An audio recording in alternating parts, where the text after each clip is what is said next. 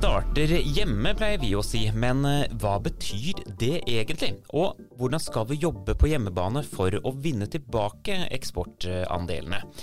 Torger Reve er eh, professor i strategi og industriell konkurranseevne, og han er gjest i Inopoden i dag. Velkommen til oss, eh, Torger. Veldig hyggelig å ha deg her. Velkommen til deg også, Håkon Hauglie, administrerende direktør her på huset. Tusen takk.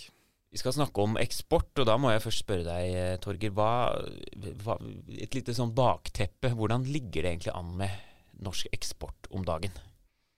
Altså, Norge er jo som åpen økonomi en eksportøkonomi. Vi er også en importøkonomi, for øvrig, så vi er nødt til å være i, i samhandel med utlandet, for vi er så små og spesialisert. Så eksport er helt grunnleggende. Eh, så, så det, eh, og vi har levd av eksport i alle år. Eh, og den, den populære oppfatningen historisk har vært at vi har eksportert råvarer og kjøpt inn andre ting. Det er ikke sant lenger, men, men det er liksom det bildet jeg har. Og Det andre som vi, iallfall da jeg begynte å studere økonomi, var liksom at du måtte eksportere for, for å ha valuta. Så du kunne ha noe å kjøpe for. Eh, det er ikke fullt så aktuelt i dag, for da er internasjonale marked annerledes. Men det som har skjedd, dessverre, er jo at eksporten, som pleide å være skyhøy i den perioden vi eksporterte med olje og gass, og hadde en voldsomt komfortabel situasjon, den er i ferd med å forsvinne. Og eksport, vi får et eksportunderskudd, det er det ene.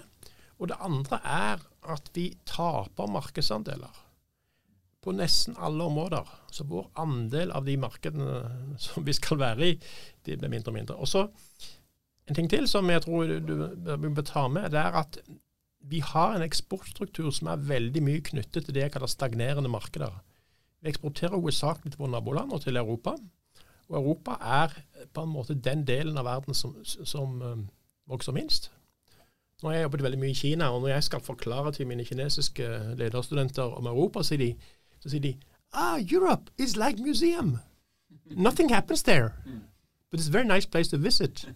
Og Hvis du får det bildet at vi er i de stagnerende markedene og ikke i vekstmarkedene, så vil dette bare fortsette å gå nedover. Ja, men Hvor alvorlig er det egentlig? For Vi hører jo at nå, nå, taper vi eksportandeler, og så er dette ofte diskusjon på konferanser og seminarer rundt omkring. Men hvor, hvor gærent kan det, det gå? Det er ganske alvorlig, og vi har ikke helt merka det. fordi det som har skjedd, er jo at valutaen vår har, har uh, svekket seg, så at vi får liksom litt mer og mer igjen for det vi eksporterer.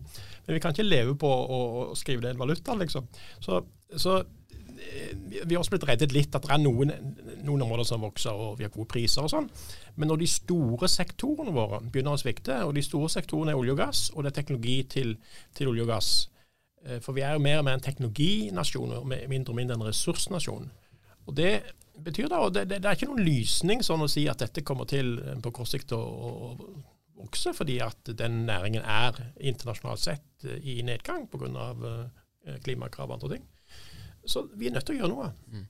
Ja, det, velferdsstaten om 50 år, hvor avhengig av den er den av eksportinntekter? Det, er verdiskapingen i, i, næringslivet som måtte finansiere velferdsstaten. Og velferdsstaten kommer til å kreve mer og mer. Mm. Det kan man ganske enkelt bare se på aldersstrukturen. og Hvis man får en pandemi til, som vi har nå, så ser vi hvor, hvilke enorme utlegg det kommer til å være på velferdsstaten fremover.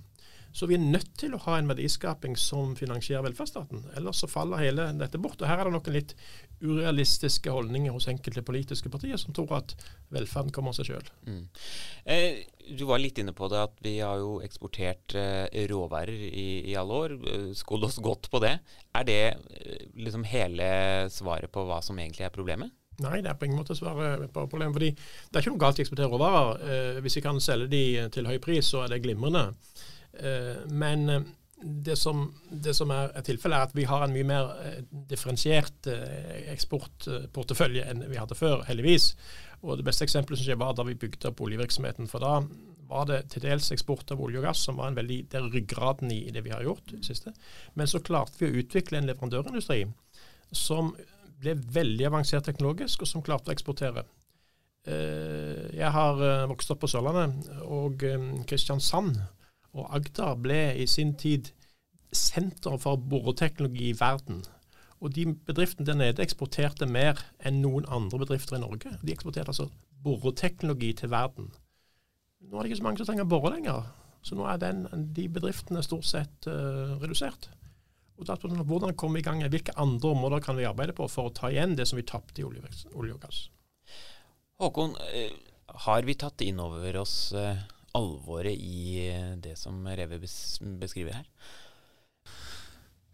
Ja, aller først hvor utrolig hyggelig jeg syns det er å være her sammen med Torger, som er en uh, sånn stor kilde for meg da, til inspirasjon og læring. Og um, en, et arbeid som uh, Torger gjorde på Handelshøyskolen BI for mange år siden, som heter Kunnskapsbasert Norge, sier noe om hvor Norge har sine næringsmessige styrker, og er også basis for klyngeprogrammet som vi har. og Det er relevant i denne sammenheng fordi det er et, en tett avhengighet mellom det vi har av eh, næringer og det eksportgapet. Jeg tror det er godt forstått i Norge at vi er avhengige av et, vårt bytteforhold med utlandet. Men jeg er bekymret for at man tror det er noen enkel måte å løse det på. Det handler om grunnleggende sett at vi må utvikle et bredere plattform for, av liksom, mange flere eksportnæringer. Og det handler om at vi må få mange flere bedrifter som vokser og tar internasjonale posisjoner. Så eksport og skalering det henger veldig nøye sammen. Så dette er en stor oppgave for oss som, som, samfunn, å henge sammen med den store næringspolitikken, og naturligvis med vår rolle som en virkemiddelaktør som skal bidra til næringsutvikling eh, i Norge og, eh, og eksport. Ja, vi pleier jo å si at eksport starter hjemme. Det høres jo kanskje selvsagt ut, men det, jo, det ligger jo ganske mye i det. Kan du si litt, hva, hva, mener vi når vi sier det? Ja, Det er jo akkurat dette vi peker på. Da, at uh, en bedrift uh, i Norge, som det lille landet vi er, må ha blikket ut for å vokse. Eh, i all hovedsak. Norge er i veldig mange sammenhenger et, et for lite marked for, eh, for, vekst. Og det igjen handler jo om sysselsetting og verdiskapning i hele Norge. Og skal vi lykkes med det, så er vi nødt til å tenke disse to tankene samtidig. Hvordan gjør vi bedriftene i stand til å vokse, og hvordan gjør vi dem i stand til å eksportere? Og Det er to sider av samme sak, og derfor begynner eksport hjemme. Og I tillegg er det noe annet som er viktig, og det er de, de første kundene. Norge har mulighet til å, bl.a. gjennom en offentlig etterspørsel eller et samspill i en verdikjede med mindre og større bedrifter, få opp løsninger som så er eksporterbare. Og det å utnytte våre muligheter til det, da, f.eks.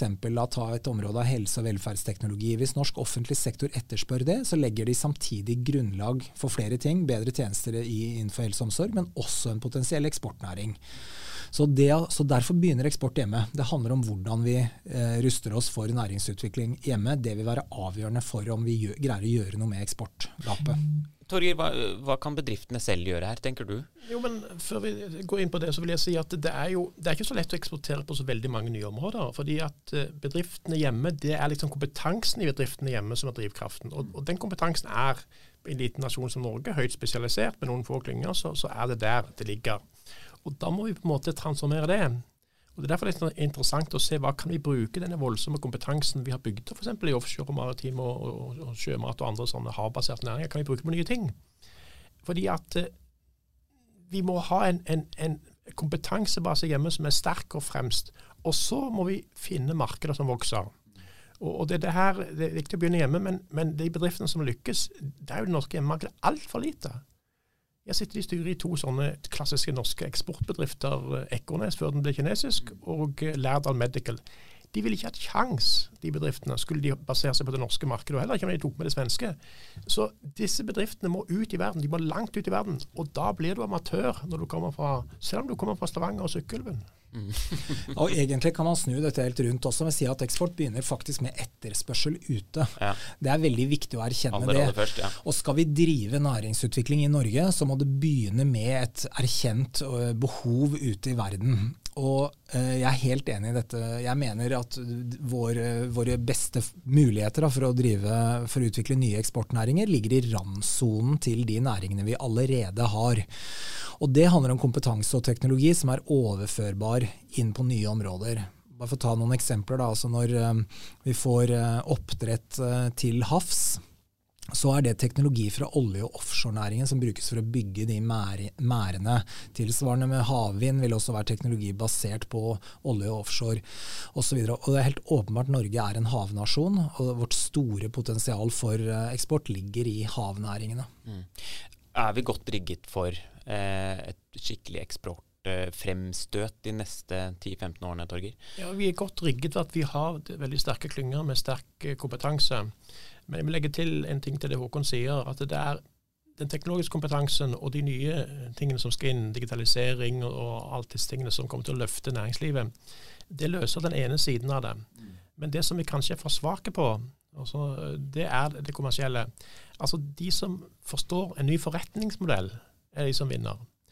Eh, da, da, I sin tid kan Cameron bygde opp Ikea, så bare, er, Han gjorde ikke noe genialt teknologisk, men han gjorde en fantastisk idé med å endre forretningsplanen. Og så, så klarte han å skaffe seg fra småland klarte han å skaffe seg 35 av, av verdens interiørmarked det er et eksempel på at det er den, den forretningsmessige tenkningen. Og den, ikke, den, underviser vi ikke noe særlig rundt omkring på de tekniske høyskolene. Ja, hvorfor ikke det? Nei, altså, det ikke, har ikke noe status å være selger i Norge. Du skal være ingeniør eller, eller, eller konsulent eller noe sånt. Altså, eh, så jeg pleier å si av og til eh, til bedriftene de må, få, de må ansette noen dansker som er, som er selgere, altså, som, som, har denne kommersielle genet fra barnsben av.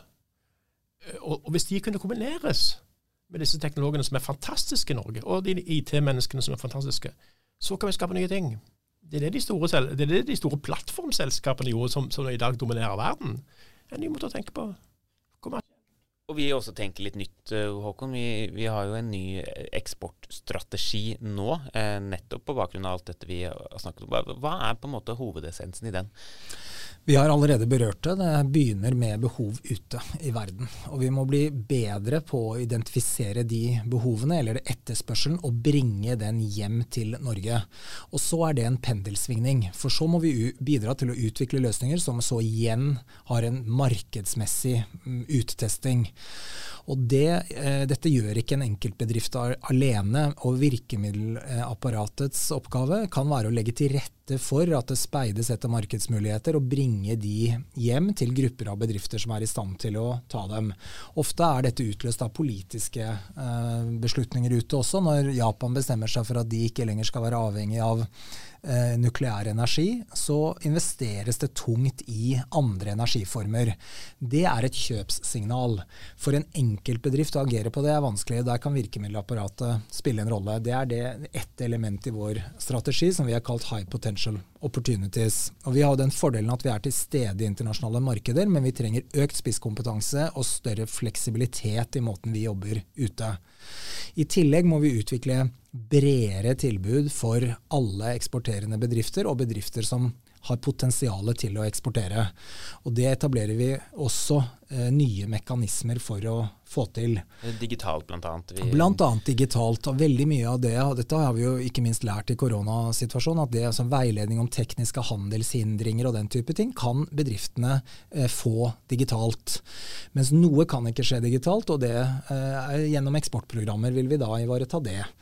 Så dette er en omrigging av både vår eh, organisasjon og struktur, men også måten vi tenker rundt eksport. Og jeg tror mange tror at når vi skal snakke om eksport, så handler det om å komme opp med en lang liste med ting hjemme som er eksporterbare. Altså av ulike teknologier eller løsninger. Men det er ikke det eksportarbeid handler om. Det handler om å forstå markedene ute og omsette det i aktivitet som utløser et kjøp. Og det å bringe eh, det næringsfremmearbeidet vi gjør, nærmere en kontraktsituasjon. Det er hele målet med det vi nå gjør. Torgeir, syns du, du, Håkon nevnte jo her, du har jo vært med i Innovasjon lenge, Norge ja, lenge. Er vi på riktig vei her? Blant annet så gjorde vi en stor studie da Eksportrådet var eh, jeg tror jeg 50 år eller noe sånt. Eh, den boken kan man faktisk hente frem igjen, for der står noen mekanismene som gjorde at noen bedrifter lykkes ute, og noen ikke lykkes. Mm. Men eksportfremme har vært litt sånn primitivt. Det har vært sånn kjøp en markedsrapport fra Innovasjon Norge. Det er ikke det bedriftene først og fremst trenger. Det, det, de trenger, er å bli kobla til de mest potente kundene. og Forstå deres behov, og så bygge en relasjon. Og Det klarer ikke en sterkere eksportutsending å gjøre. For dette er jo et voldsomt spekter av, av, av ting. Eh, Lærdal Medical skal liksom finne de som er mest avansert på medisinsk simulering og, og sånt. Ingen eh, som kan noe om aluminium og fisk, vet noe om medisinsk simulering. Så vi må, vi må på en måte koble bedriftene. Altså det er en slags koblingsboks vi trenger. Fordi at, så tilstedeværelse er ja, altså Ja, men det, det er å finne Sånn at den, den, beste personen fra Lærdal finner den beste på, på det kinesiske sykehuset, eller hvor det måtte være. Denne, det er da det blir business av det. Og det, her vi, eh, og det her er det vanskelig å tenke seg hva slags mennesker jeg egentlig trenger til en eksportfremme. fordi at ingen er sånne som kan alle disse tingene. Men de må ha en relasjonell forståelse. De må skjønne at eh, det er ikke, det er ikke generisk markedsføring som vi gjør når vi skal fremme Norge som reiselivsnasjon. Det er relasjoner til industrielle kunder. For vi selger stort sett bare industrivarer. Mm. Og det, det, har vi jo ivaretatt også, eh, Håkon, i eksportsatsingen vår. Altså Vi er ikke der ennå, men dette er jo den reisen vi må ut på, alle sammen, som Norge. Og det handler jo om at det er ikke én aktør som kommer til å lykkes med dette, men vi må samspille. Typisk da, hvis en, en mulighet uh, manifesterer seg ute, så kan det være en representant for bedriften selv, eller klyngen, eller et, en innleid konsulent, eller noen andre som gjør den jobben. For det er spisskompetanse som trengs i en avgrenset periode. Og Jeg er helt enig i det relasjonelle og markedsmessige er avgjørende for å lykkes her. Tilstedeværelse i utlandet er bare et verktøy. Det er den jobben som gjøres som er avgjørende. Og der, det, det handler om kommersiell forståelse, grunnleggende. Og, Da nevner du noe Håkan, som er viktig, og som også næringsministeren uh, har vært opptatt av i den nye eksportstrategien der, på virkemidler. At, at vi, vi, kan ta utgangspunkt i klyngene. Og fordi klyngene kan noe om den sektoren. Og så er det sånn at uh, I den tiden norsk næringsliv dro til Brasil, så var det noen som kunne om Brasil, og så fikk de andre inn i Brasil. Og så ble det på en måte plutselig en norsk uh, eksportmarked som vi aldri hadde hørt om før. Så de kan hjelpe hverandre i en eller annen form. Vi er så små at, at uh, så, så det, det, gjelder å ha, få frem mange bedrifter som kan delta. Dessverre så er det slik på norsk eksportside at det er stort sett én bedrift som eksporterer. Yara, liksom. Jotun de altså eh, aluminiumsbedrifter, de alene. Hvis du kan få frem en klynge eh, som vi nå ser på mange områder, så er det en, får du en langt større mangfold. Og ja, da kan vi klare oss. Og så kan de stjele folk av hverandre. og så kan de, Jeg husker det er en måte å bruke eh, Innovasjon Norge på, at vi knabba de beste folkene og ansatte de. Det var en god idé. Veldig bra. Det er godt det er mange kompetente folk som jobber her, og samarbeid det er jo ofte veien å gå. Torger, tusen takk for at du eh, kom til eh, Innopodden i dag. Det var veldig interessant og eh, veldig inspirerende. Takk til deg også, Håkon Hauglo. Innopodden er tilbake neste